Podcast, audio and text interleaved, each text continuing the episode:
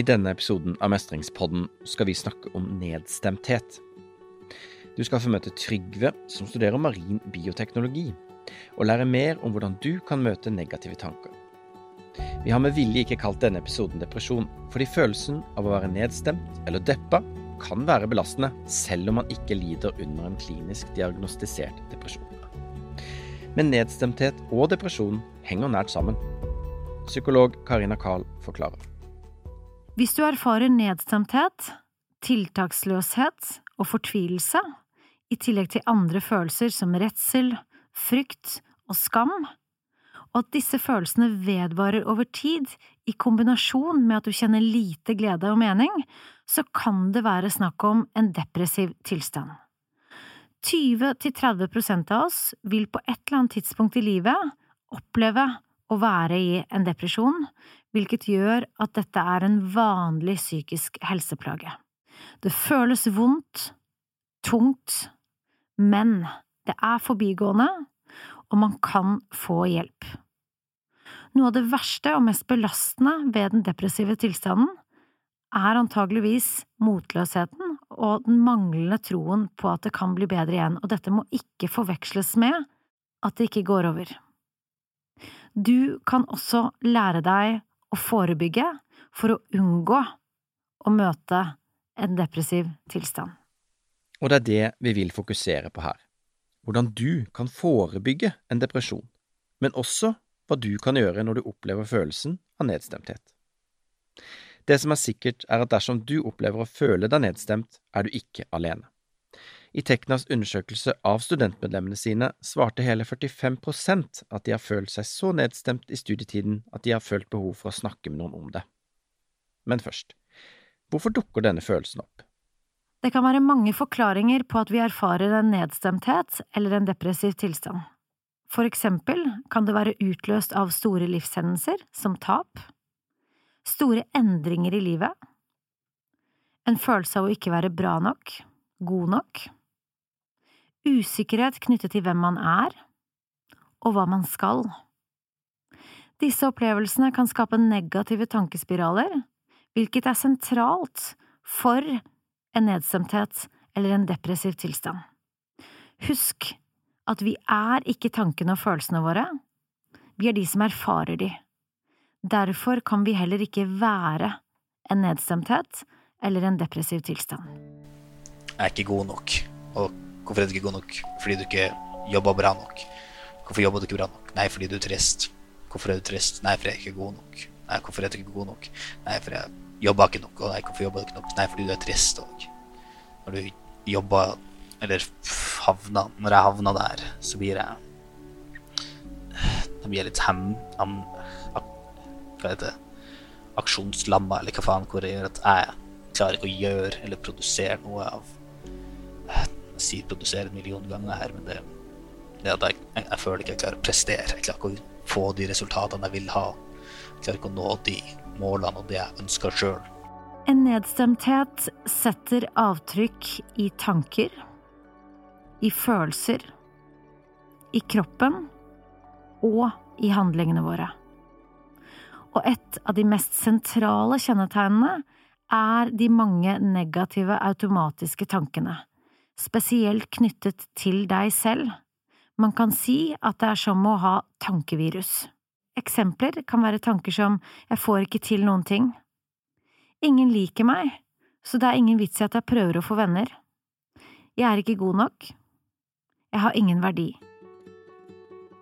Jeg får Det høres ut som at jeg har det så jævla fælt, og jeg sitter jo i Norge med gratis utdanning og sånt, og jeg har det jo sånn egentlig ikke så jævlig. Men det stoppa meg jo ikke fra å fortsatt føle på dette med at ingenting av det jeg produserer, er verken godt nok eller tilstrekkelig. At ingenting av mine prestasjoner eller ting jeg på en måte klarer å gjennomføre, er godt nok for noen. Men stemmer egentlig det Trygve beskriver her? Tanker er ikke sannhet. Heller ikke selv om de føles sånn. Når vi er i en tilstand hvor vi er nedstemt, så ser vi oss selv og verden gjennom mørke brilleglass. Vi blir eksperter på å finne feil, se alt som går dårlig, og alt som ikke er bra. På den andre siden blir det nærmest umulig for oss å se noe som helst som er bra. Så hva kan vi gjøre dersom vi sitter fast i disse tankemønstrene? Helt grunnleggende er det både forebyggende og lurt å ha gode rutiner for søvn, for kosthold og for fysisk aktivitet. I praksis betyr det å avsette ca. åtte timer til søvn, spise regelmessig, mat som gir næring til både hode og kropp, og at du beveger kroppen din daglig. Fysisk aktivitet har en rekke positive effekter, blant annet fordi du skiller ut signalstoffer som gjør at du føler deg lettere til sinns. Når det kommer til fysisk aktivitet og mengde, så kan vi støtte oss til Helsedirektoratets retningslinjer, hvor de anbefaler et minimum av 30 minutter moderat aktivitet daglig. I tillegg vil jeg anbefale at du deler med noen fortrolige nære hvordan du har det, og at du øver deg i å ta imot støtte og omsorg. Antageligvis vil dine omgivelser se det som en gave å få lov til å være der for deg i en vanskelig tid, og så vil du få anledning til å kunne være tilgjengelig eller være til støtte for de på et annet tidspunkt. Videre kan det være lurt å sette noen enkle mål for dagene dine, slik at du legger til rette for å oppleve mestring. Du kan føre en mestringsdagbok der du registrerer minst én til tre ting hver dag som du er tilfreds med og har fått gjort. Dette er viktig fordi når du er i en depressiv tilstand, så vil du antageligvis erfare at det er utfordrende å gjennomføre selv de mest dagligdagse aktivitetene. Forskning viser også at mennesker som er takknemlige, har det bedre. Derfor kan du øve deg i å finne én til tre ting som du er takknemlig for hver dag. Du begynner å tenke på hey, hva er egentlig vitsen? Hvorfor gjør vi noe som helst? Og hva er, hva er, hvorfor skal jeg egentlig fortsette med noe som helst? Øv deg i å være kritisk til tankene dine. Hver gang du opplever å bli trist, motløs, redd, skamfull, spør deg selv hva som går gjennom hodet ditt. Skriv tanken ned og se om det kan være noen alternative perspektiver, om det kan være en annen måte å tenke på. Tankene vil påvirke følelsene, og på den måten kan det føles bedre å erstatte de negative automatiske tankene med støttende alternative tanker. Se det som snubletanker og støttetanker. Og gi deg selv pauser, aktiviteter som gjør at du får fokus bort fra tankene. Det kan være å gjøre noe fint for noen andre.